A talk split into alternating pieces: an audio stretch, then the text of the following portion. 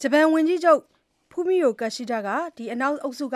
အရေးပါတဲ့မဟာမိတ်နိုင်ငံတွေကိုသွားရောက်မယ့်သီတင်းတပတ်ကြာခရီးစဉ်ကိုဒီကနေ့ဇန်နဝါရီ၉ရက်မှာစတင်လိုက်ပါတယ်။ဒေသတွင်းသြဇာကြီးထွားလာနေတဲ့တရုတ်နိုင်ငံကိုတန်ပြန်နိုင်ရေးမှာ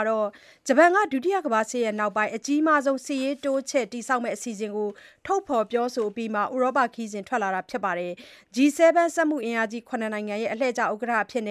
မေလမှာထိပ်သီးစည်းဝေးပွဲလက်ခံကျင်းပဖို့ရှိတဲ့ဂျပန်ဝန်ကြီးချုပ်ဟာအမေရိကန်၊ဗြိတိန်၊ပြင်သစ်၊အီတလီနဲ့ကနေဒါနိုင်ငံက ခေါင်းဆောင်တွေနဲ့ တွေ့ဆုံမှာဖြစ်ပါတယ်။ဒီတွေ့ဆုံမှုအတွင်း စီးပွားရေး၊လုံခြုံရေးနဲ့ တပိုင်းလျှပ်ကူးပစ္စည်းတွေကတဆင့် ယူကရိန်းစစ်ပွဲ၊